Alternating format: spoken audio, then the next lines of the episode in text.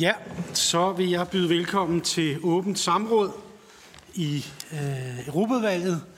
Øh, og jeg skal sige, at øh, det er sådan så, at Finansudvalget også er inviteret til det her åbne samråd. Øh, jeg vil sige velkommen til Finansministeren øh, om et åbent samråd vedrørende den fælles EU-lån herunder som hjælp til Ukraine. Samrådet det er indkaldt efter ønske af Morten Messerschmidt fra Dansk Folkeparti, og ministeren er blevet bedt om at besvare spørgsmål B, C og D, som lyder som følger. Ministeren beder redegøres for, hvorfor regeringen mener, at Danmark skal indgå i et lån med fælles blandt EU-landene på 20 milliarder euro til udvikling i Ukraine, og om ministeren mener, at det er realistisk, at det pågældende lån til Ukraine nogensinde vil blive betalt tilbage. Ministeren bedes redegøre for regeringens holdning til at optage lån med fælles hæftelse i EU-regi, henset også til det tidligere lån på 750 milliarder euro, som blev optaget for at bringe EU ud af coronakrisen. Ministeren bedes redegøre for, om regeringen har en øvre grænse for, hvor mange penge regeringen vil acceptere, at EU låner med fælles hæftelse. Og inden vi går i gang med selve samrådet, så vil jeg give ordet til Morten Messerschmidt, som har muligheden for at motivere indkaldelsen øh, af samrådet. Og ordet er dit. Værsgo. Tak for det, formand, også tak til øh, finansministeren for at øh, møde frem øh, i et anlæggende, som i hvert fald optager os rigtig meget, nemlig hele det her øh, underlige fænomen med, med, øh, med fælles hæftelse, der er opstået blandt EU-lande, som jo har meget forskellige økonomiske forudsætninger. Igennem mange år har Danmark jo haft en sund økonomi. Det er der mange partier, som øh, kan tage en del af, af æren for. Det er ikke noget, man kan sige om hovedparten af, af EU-landene. Så at man har lyst til at øh, dele hæftelse øh, med dem, det er man fuldstændig gåde. Og det er jo derfor, vi har indkaldt til det her, øh, fordi øh, den danske regering for nyligt har sagt ja til et lån Øhm, på svimlende 150 milliarder kroner, øh, hvor Danmark så hæfter helt eller delvist. Vi kan ikke rigtig finde ud af, hvor stor en andel det er, men øh, det kan være, at øh, finansministeren kan gøre os øh, klogere på det, og om der overhovedet er en grænse. Altså, hvis nu øh, kommissionen havde sagt 500 milliarder, havde man så bare sagt jawohl, øh, eller 1000 milliarder, havde man så sagt, jamen ingen højere.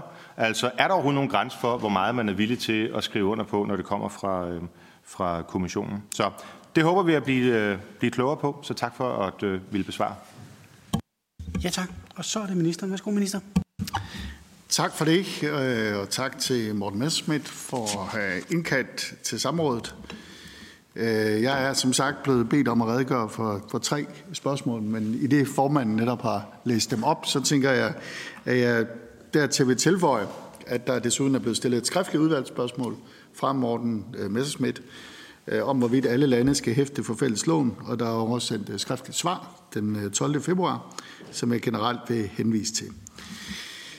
Med formandens og også spørgerens tilladelse, så vil jeg lidt utraditionelt starte med spørgsmål C, fordi jeg tænker, at det kan give en god ramme for besvarelsen. Regeringen er generelt skeptisk over for fælles gæld, der finansierer overførsler mellem lande. Det tilskynder grundlæggende ikke til at føre en Øh, sund og øh, bedst mulig national finanspolitik, da kommissionen i 2020 foreslog en markant udstedelse af fælles gæld for at understøtte genopretningen af EU-landenes økonomier efter covid-19, arbejdede vi derfor også fra den side på at reducere den del af lånene, der blev udmyndtet som tilskud. I stedet for ønsker vi at øge den del, der blev udmyndtet som lån til EU-landene. Fælles gæld med henblik på tilskud øh, indebærer en højere grad af overførsler mellem lande og en fælles gæld med henblik på lån på favorable vilkår. Og det er et sundt princip, at man betaler sin egen gæld. Det gælder for privatpersoner, og det synes vi også gælder for landene.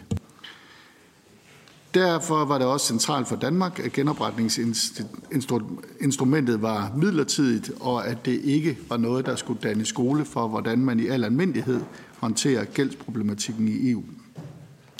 Fra den side var det samtidig vigtigt at være solidarisk med de lande, som var hårdest ramt af pandemien, det var og er stadig centralt, når man selv er et land, der er afhængig af handel med andre lande, Øh, at vi udover at vi gerne vil hjælpe dem, der var hårdest ramt, også har en interesse i, at deres økonomier kom tilbage på benene. Og derfor støttede vi fra den side lånene som del af en samlet aftale om EU's flereårige finansielle rammer og genopretningsinstrumenter. Selvom regeringen principielt er modstander af fælles hæftelse, kan der være gode grunde til, at EU hæfter i fællesskab, hvis det har en ordentlig ind. Det gælder for eksempel makrofinansiel støtte til nabolande, der oplever en betalingsbalancekrise. Det er ikke noget nyt, at EU hæfter for lån i fællesskab. Det har man gjort i knap 50 år. Derfor vil tilgangen til fælles hæftelse også fortsat afhænge af det konkrete forslag og den konkrete situation. Det leder mig til besvarelse af spørgsmål B Øh, og lån til Ukraine. Ukraines øh, frihedskamp og den forfærdelige situation, landet står i efter øh, præsident Putins og Ruslands øh, forfærdelige angreb på Ukraine, er en øh, virkelighed, vi er nødt til at forholde os til. Regeringen støtter Ukraine fuldt ud i deres utrættelige kamp for frihed, og jeg er glad for, at der er bred opbakning på tværs af Folketinget til den linje. Det gælder den finansielle støtte, og det gælder den militære støtte. Der har været bred opbakning til regeringens forhandlingsoplæg, og det er helt centralt, at vi støtter Ukraines kamp for frihed, som også handler om vores egen sikkerhed i Europa. Derfor synes jeg, det er helt naturligt, at EU indtager en ledende rolle i den finansielle assistance til Ukraine. Og derfor er jeg særlig glad for, at det lykkedes EU stats- og regeringschefer at blive enige om Ukraine-faciliteten den 1. februar på i alt 50 milliarder euro fra 24 til 27. Det drejer sig om 33 milliarder euro i lån og 17 milliarder euro i tilskud. Faciliteten skal understøtte Ukraines vej mod deltagelse i EU-samarbejde via reformer og investeringer, og faciliteten sikrer dermed, at vi er 27 lande, der står sammen i en fælles og koordineret indsats for at bakke op om Ukraine. Danmarks andel af den fælles hæftelse er på godt 5,5 milliarder kroner. Det er mange penge, men det skal også ses i lys af, at hæftelsen vedrører hele lånets løbetid frem til 2062. Til sammenligning har Danmark givet militær støtte til Ukraine for en værdi på over 30 milliarder kroner på bare to år. Den støtte har vi givet, fordi vi mener, at det er det rigtige, når der er krig i Europa, og fordi vi gerne vil støtte Ukraine, og vi gerne vil passe bedst muligt på Europa og herunder Danmark. For det har direkte betydning for Ukraines evne til at kæmpe om landets økonomi i øvrigt klare sig. Og når vores støtte er koblet med reformer og efterlevelse af konkrete mål, så er det vores klare målsætning, at Ukraine står stærkere og tættere på EU og vores værdier på den anden side af krigen. Det leder mig til spørgsmål D. Det korte svar er, at der allerede findes en øvre grænse for fælles hæftelse. Det blev fastlagt i MFF-aftalen fra 2020. Konkret i det, der hedder ordningen for EU's egne indtægter, som Folketingets beslutning af marts 2021 gav regeringen samtykke til at ratificere. EU-landenes betalinger til EU's budgettet kan ifølge denne ordning aldrig overstige 1,4 procent af EU's samlede BNI, og denne øvrige grænse gælder såvel betalinger til det ordinære EU-budget som eventuelle betalinger på lån og garantier, vi fælles hæfter for. Jeg vil gerne gøre det klart, at denne grænse kun kan justeres med Folketingets accept, og regeringen inddrager derfor selvfølgelig Folketinget, hvis vi mod forventning skulle stå over for en sådan situation. Det betyder selvfølgelig ikke, at grænsen blot skal udnyttes. Som nævnt forholder vi os til konkrete forslag, præcis ligesom vi har gjort til Ukraine-faciliteten med fuld opbakning fra Folketingets Europaudvalg. Jeg håber, at det gav svar på øh, spørgerens spørgsmål, og øh, jeg ser frem til de øvrige spørgsmål, der måtte være, og kommentarer fra deltagerne i dette samråd. Tak. Tak. Så er det spørgeren. Tak for det. Øhm, men den grænse, som finansministeren taler om, det er jo så en aftalt grænse i den indeværende budgetordning. Øh, og den går jeg ud fra så frit kan ændres efterfølgende. Er der nogle grænser for, hvad man kan aftale af hæftelsesforpligtelser inden for den MFF, som så kommer til at løbe gå ud fra fra 27 og frem, og hvor forhandlingerne jo må øh, begynde ganske snart. Øhm, og hvad er den danske regeringsposition? Jeg kunne levende forestille mig, at kommissionen, så snart man er efter Øh, parlamentsvalget vil have et ønske om at, at hæve øh, forpligtelsen. Øh, hvad sker der rent teknisk, øh, øh hvis, øh, hvis, øh, øh hvis, hvis lånet misligeholdes, og øh, de øvrige lande i øh, EU ikke ser sig i stand til at betale i forhold til, at ministeren siger, at det kun er 5,5 milliarder Danmark hæfter for. Hvor går kreditorerne så hen? Øhm, EU-systemet har jo ikke nogen særlig mange midler. De har nogle tolvindtægter og sådan lidt. Øh, men derudover er der jo ikke noget sådan egne indtægter i, i EU-systemet. Så i den øh, vel ikke helt øh, usandsynlige situation, at øh, de lande, som har en statsgæld, der er langt over 100 procent af deres årlige produktion, øh, at de skulle blive øh, insolvente, hvor skal de øh, kreditorerne så øh, gå hen? Øhm, og så det sidste spørgsmål i den runde. Hvorfor overhovedet? Altså, hvorfor overhovedet lave en konstruktion, hvor EU skal optage gælden? Hvorfor ikke lade medlemslandene gøre det? Danmark er triple rated, øh, har en enorm sund øh, økonomi. Hvorfor skal vi overhovedet lade vores øh, rating og generelle anskuelse på de internationale markeder, for, forringe af at gå ind i sådan et, et, et samarbejde her? Hvorfor overlader man ikke det til eurolandene? Altså, danskerne har jo truffet et, et oplyst, og tror jeg, at de fleste anerkendte og velsignede valg tilbage i år 2000 om at stå uden for euroen. Så hvorfor skal man som ikke-euroland overhovedet gå ind og begynde at optage fælles øh, gældshæftelser og gældsbreve osv., i, øh, i stedet for bare at stå på mål for ens egen forretning, så at sige. Stats, øh, finansministeren har jo ikke noget at skamme sig over. Han har flot økonomi at kunne prale af nede i Bruxelles. Så hvorfor er det ikke nok? Hvorfor nødvendigvis fælles EU-gæld? Jeg, jeg er faktisk lidt i tvivl om, jeg overhovedet forstår, hvad logikken fra dansk side er. Minister? Ja, for at starte med det sidste først. Det er i sig selv vigtigt, at alle EU-lande står sammen om at hjælpe Ukraine. Det er en skæbnestund, vi oplever i Europa netop nu.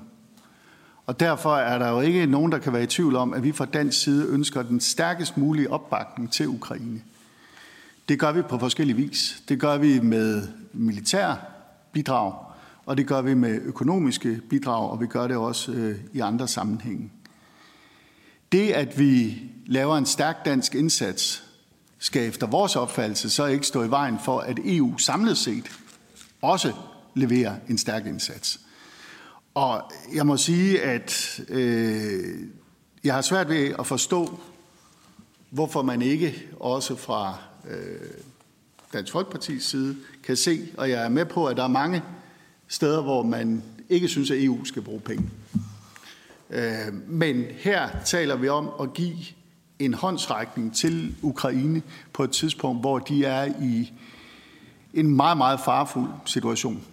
Og, og der synes jeg, og regeringen, at det er fornuftigt, at vi gør det, øh, også via EU, sådan at alle 27 lande på den måde er med til at bidrage. Så øh, bliver der spurgt til, jamen hvad nu hvis, øh, at øh, landene, der er med til at hæfte, ikke betaler regningen? Altså alle lande hæfter for deres andel, og øh, mig bekendt så er uagtet, at nogle lande har haft sværere økonomiske vilkår end andre, og jeg glæder mig over rosen til, at der er styr på butikken, når det gælder dansk økonomi. Jeg kan i mange sammenhæng dele bekymringen for, at andre EU-lande har en høj gæld. Men det ændrer ikke på, at øh, alle indtil nu har betalt det, de skal, øh, når der har været tale om lignende øh, situationer. Og det vil også være mit klare udgangspunkt, at det sker her. Så bliver der spurgt til, hvad med MFF'en i, øh, i næste periode? Hvad vil øh, rammen være? Jamen, vi har ikke set noget forslag på det endnu. Altså, det vi forholder os til, det er den gældende MFF.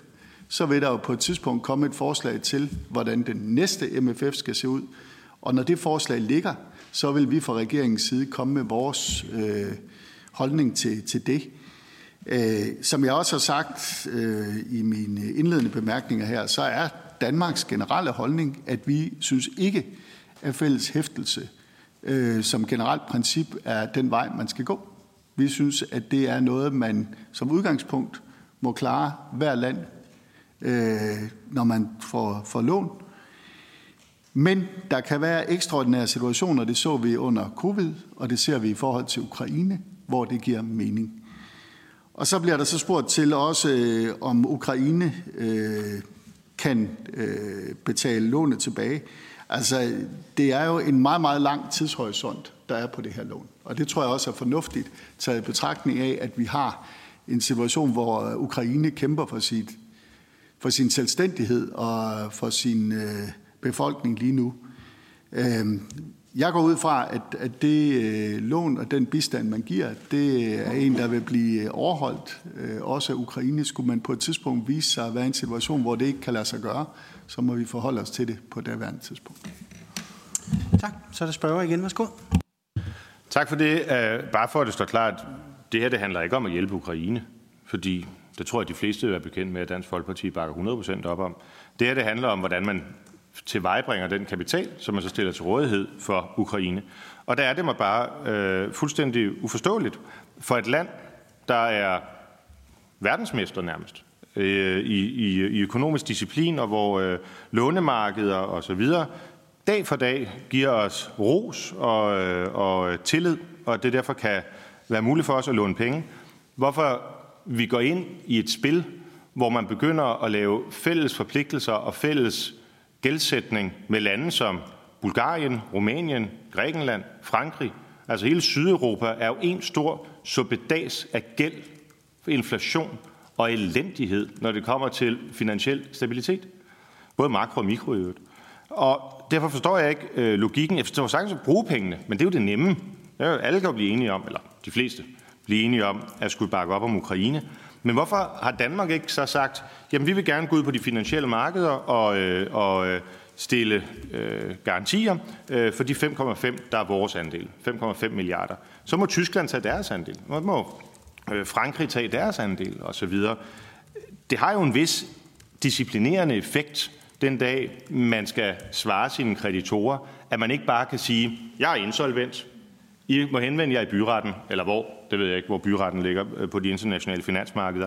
Men i dag, der ved vi godt, at regningen så ender med at ende op i Danmark. Fordi når ministeren siger, at MFF'en den løber, jeg tror ikke, jeg tager fejl, når jeg siger til 27, og der er grænsen 1,4 procent. Men gælden, den løber helt til de næste 40 år. Det vil sige langt ind i de næste budgetrammer. Og derfor måske det allermest centrale spørgsmål, har vi nogen garanti for, at den grænse, der ligger i MFF'en i dag, ikke bliver udvidet de næste øh, ja, 35 år bliver det så, inden for det her, det her låns øh, løbetid. Fordi hvis vi ikke har det, jamen så kan det her beløb, vores hæftelsesforpligtelse jo bare stige og stige og stige. Og så det, som den danske regering har gjort, kunne jeg forstå med velsignelse fra hovedparten af Folketingets partier, det kommer ikke bag på mig, der er kun et parti, der stemmer fornuftigt, når det kommer til EU, øhm, jamen så kan den hæftelsesforpligtelse jo bare stige og stige og stige. Måske er det bare det, jeg gerne vil have bekræftet. Så er det ministeren, og efter ministeren er der mulighed for, at alle kan stille spørgsmål eller kommentarer. Værsgo, minister. Ja, altså, det her handler jo om, hvorvidt man synes, det er vigtigt, at EU står sammen i forhold til at hjælpe Ukraine, eller det bare skal være en opgave for landene hver for sig. Den tilgang, den danske regering har, er, at vi har et Ukraine, der kæmper øh, mod en meget, meget kynisk og stærk modstander hver eneste dag, hver eneste time, hver eneste minut. Og at vi har en forpligtelse til fra dansk side at støtte op om Ukraines kamp. Det kan vi gøre på forskellige vis. Det kan vi gøre med civil støtte, vi kan gøre det med militær støtte. Vi kan gøre det med danske bidrag, som vi har gjort på blandt andet forsvarsområdet med vores artilleri og med vores F-16 og på anden vis. Og vi kan gøre det i EU-regi ved der sammen med andre lande og presse på for, at man i fællesskab tager et ansvar. Og derfor er det ikke for øh, den danske regering et enten eller, som jeg hører det lidt er fra øh, Morten Messerschmidt. Det er et både og, fordi behovet for hjælp er så markant og så massivt i Ukraine lige nu. Og hvis landene hver især begyndte at sige, eller hvis man sagde, at EU, det skal man ikke blande sig i, det må landene hver især klare, så kan man jo øh, overveje, om man samlet set vil få en lige så stærk støtte til Ukraine, som tilfældet er her. Jeg tror, at det her er den rigtige vej at gå. Øh, hvordan øh, fremtidige MFF-aftaler bliver øh, på det her område, det øh, kan jeg jo ikke vide, fordi de er ikke forhandlet endnu. Der er ikke fremlagt forslag endnu. Men den gæld, der her bliver skabt ved, at man øh, yder bidrag til Ukraine, den er jo fordelt mellem landene. Øh, og vi har en hæftelse fra dansk side på vores beløb, og de andre lande har på deres. Øh, og der er ikke her lagt op til, at vi skal have en større andel af den gæld, end vi har sagt ja til her. Og skulle man på et tidspunkt ønske helt generelt i EU at ændre på grænsen på de her 1,4, jamen så kræver det jo, at der er enighed om det i EU, og i øvrigt også, at man dermed har en dansk øh, enighed omkring det, og at man dermed har mandat fra Folketinget. Så jeg synes, øh, at det selvfølgelig er helt fair, at man stiller spørgsmål, og man kan have en uenighed omkring, er det her nu den rette måde øh, at bistå Ukraine, og jeg anfægter ikke, Dansk Folkeparti øh, ønsker at, at støtte Ukraine. Men jeg tror, at der, hvor øh, forskellen er, er, at vi fra regeringens side mener, at det kan gøres både i et dansk spor og et EU-spor. Og at hvis vi skal give den bedst mulige øh, støtte og opbakning til Ukraine, så har vi brug for begge spor. Og det er vel der, hvor forskellen er i virkeligheden. Tak. Så er det Kim Valentin. Ja, tak for, til ministeren for at stille op i dag. Nu har vi jo lige vedtaget nogle nye øh, finanspolitiske regler. En af de ting, der ligger i de finanspolitiske regler, det er, at man hjælper hinanden på gælden.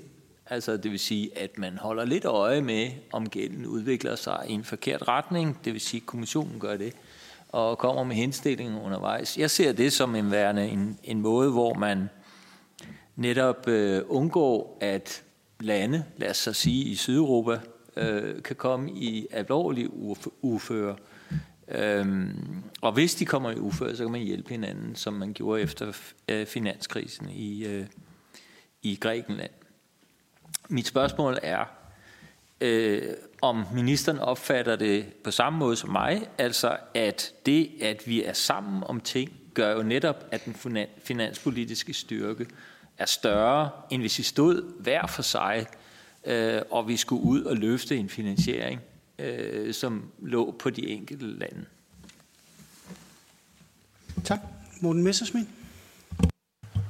Øhm, måske øh, finansministeren vil minde øh, udvalget om, hvad øh, konvergenskriterierne stiller af betingelser til eurolandene i forhold til gældsniveau, øh, og hvordan den aktuelle øh, gældsbyrde ser ud for hovedparten af, af eurolandene, bare i forhold til de profane ord, vi får fra Kim Valentin om, hvordan man dygtigt kan hjælpe hinanden med at nedbringe gælden i EU. Det tror jeg vil være oplysende, bare sådan rent faktuelt for alle. Og så forstår jeg ikke helt, at det er et både og. Det, det gør jeg faktisk ikke. Altså, øhm, fordi vi taler jo ikke om, hvorvidt man skal bruge de 20 milliarder fra, fra de europæiske landes øh, side, øh, euro øh, i, øh, i Ukraine. Det vi taler om, det er, hvordan skal, hvordan skal lånet finansieres? Hvordan skal vores forhold til vores kreditorer være? Nu bliver vi kreditor i forhold til Ukraine, men vi har jo så nogle andre kreditorer, en masse pensionskasser og derude. Hvordan er vores forhold til dem? Det er jo det, vi taler om. Om vi skal acceptere, at det er EU, der optager gælden, og at vi dermed kommer i klub med en hel masse lande, som er knap så dygtige til at styre økonomien, det tror jeg både finansministeren og jeg øh, har indset. Det finder vi ud af i svaret til Kim Valentin. Øhm, hvorfor ikke lade Danmark optage sin gæld på 5,5? Lad Tyskland optage sin. Så kan man jo pulje det, og man kan bruge det i fællesskab. Men det her med, at man insisterer på, endda som ikke-euroland, at begynde at optage fælles gæld med andre lande, det er jo ikke et spørgsmål om, at der er noget, man vil eller ikke vil. Det er jo ikke sådan, at vi ikke kunne have været med til at hjælpe øh, øh over i Ukraine øh, sammen med vores øh, EU-kollegalande. Det er et spørgsmål om, at man pludselig bevæger sig ned ad en doktrin, som ministeren der siger i starten, er ikke er dansk politik, nemlig at man puljer hæftelsen, og at man dermed kommer i gældsfællesskab med nogle lande, som jeg godt nok har svært ved at se, at vi har ret meget til fælles med i forhold til økonomisk disciplin. Minister? Jamen altså helt, helt overordnet, øh, så glæder jeg mig øh, vedvarende over den øh, ros, der er fra Morten Messerschmidt til den øh, håndtering, der er af dansk økonomi. Og det er også rigtigt, at vi står meget, meget stærkt. Vi har meget lav gæld. Der er styr på butikken, når det gælder Danmark og økonomi. Det er jeg som finansminister i sagens natur tilfreds med. Det er også rigtigt, at øh, der er en række lande i EU, der har en højere gæld, end vi har. Øh, og i forhold til øh, de finanspolitiske regler, så er det hørt under økonomiministerens ressort, men bare at sige, at det er jo med udgangspunkt i, i maks 60 procent bruttogæld, det er 3 procent underskudsgrænse. Øh, og der er lande, der ikke øh, leverer på det. Det ændrer ikke på, at det vi står overfor her er en økonomisk, men jo også en politisk beslutning om, vil vi som EU bakke op om Ukraine i fællesskab? Eller er det noget, hvor det håber vi så hver land vil gøre øh, på, sin, på sin egen måde? Øh, nogle lande har jo vist et, et meget stort engagement her, blandt andet Danmark. Vi er jo et af de lande, der har bidraget mest, og det er jeg stolt af og glad for. Og i øvrigt også gerne vil benytte, og jeg vil øvrigt også gerne benytte lejligheden til at anerkende, at det er der bred opbakning til i Folketinget. Det er ikke alle lande i EU, der har bidraget lige så meget. Men der er behov for, at alle lande i EU bidrager. Og, og en af måderne, man kan gøre det på, det er øh, ved øh, det her EU-instrument, på den måde at kunne give en, en saltvandsindsprøjtning til Ukraines økonomi på et tidspunkt, hvor det er dybt, dybt øh, nødvendigt. Og så er det jo også rigtigt, som øh, Kim Valentin er inde på, at der er en opgave for kommissionen i forhold til at give henstillinger til de enkelte lande, øh, og dermed også øh, øge sandsynligheden for, at man skærper budgetdisciplinen i de forskellige lande. Det er som sagt ikke en udfordring for Danmark, fordi vi er i den grad i smult vande, men, men andre lande har større udfordringer, end vi har på det her. Ved dagens slutning ændrer det så ikke på, at også de lande, der har større udfordringer på gæld end Danmark, der har jeg ikke nogen øh, grund til at antage, at de ikke skulle øh, betale deres del af den fælles hæftelse. Og dermed, at vi hver især med hver vores udgangspunkt tager på os og hjælpe Ukraine i fællesskab, og vi så derudover, og det har vi jo gjort massivt fra dansk side, og det kommer vi til at gøre endnu mere i fremtiden, også vil hjælpe Ukraine på den måde. Tak. Morten Messerschmidt. Tak for det. Jeg tror, vi begynder at øh, kan indsnævre det til, øh, at det for, måske kan blive min afsluttende øh, runde. Øhm, det håber jeg i hvert fald, at ministeren vil svare øh, præcis på de ting, jeg spørger om. Så er der ingen grund til at, øh, at, øh, at bruge mere tid på sagen, øh, fordi positionerne tror jeg er relativt klare. Et, når vi kan se, at gælden i Italien og Frankrig det er jo det, der er det mest bekymrende inden for eurozonen, øh, ikke bare er høj, men også er stigende, så skyldes det jo, at man optager ny gæld for at betale gammel gæld. Når man optager ny gæld for at betale gammel gæld, så får man traditionelt en dårligere rating, fordi det er en rigtig åndssvag måde at betale sin gæld på. Når man får dårligere rating, så bliver det dyrere at betale gæld, optage gæld. Så hvad forestiller finansministeren, der vil ske, når de internationale finansmarkeder på et eller andet tidspunkt får nok af Sydeuropa? Fordi så vil de jo være nødt til at sige til deres kreditorer, uanset hvem det er, at de kan ikke betale deres gæld. Så vil der være nødt til at ske en afskrivning. Og kan vide, hvem der så får regningen for det, leder mig til andet spørgsmål. De der 1,4 procent af BNI, som Danmark så for nu har begrænset sin hæftelse over for øh, EU øh, til, er det både multilateralt og bilateralt?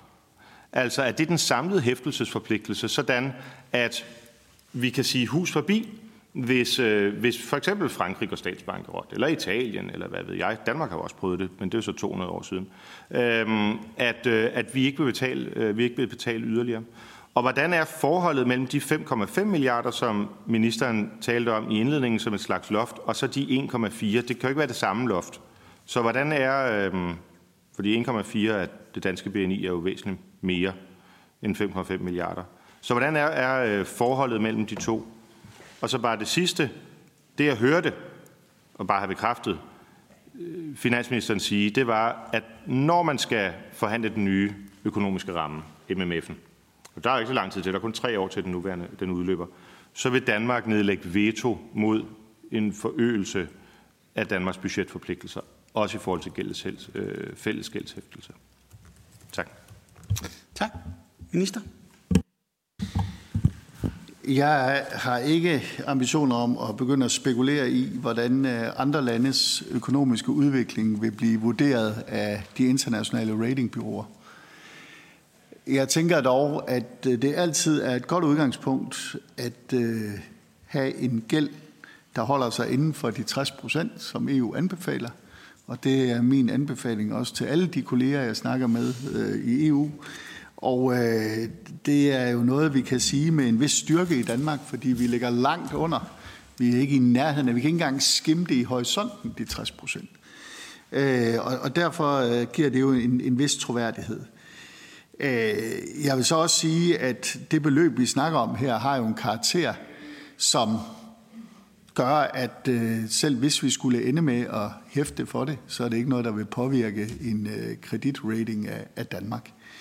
Og de øh, 5,5 det går på den konkrete øh, sag, og de 1,4 det er jo så det, det generelle, og det er øh, for øh, den samlede hæftelse, vi, vi der taler. Øh, så øh, var det, jeg sagde omkring den kommende MFF, øh, at der har vi ikke set udspillet fra kommissionen endnu. Når der ligger et udspil fra kommissionen, så tager regeringen stilling til det, og derfor kan man hverken udlede øh, den ene eller den anden konklusion på forhånd. Vi forholder os til det udspil, der kommer, og det vil vi give et seriøst, øh, en seriøs vurdering af og indstille til øh, Folketingets Europaudvalg og få mandat til, hvad der skal være Danmarks position. Men jeg tænker, at øh, Morten Messersmith er enig i, at, at det i al almindelighed er godt at kende den tekst, man skal forholde sig til, inden øh, man siger, hvad man er enig i i den eller ikke.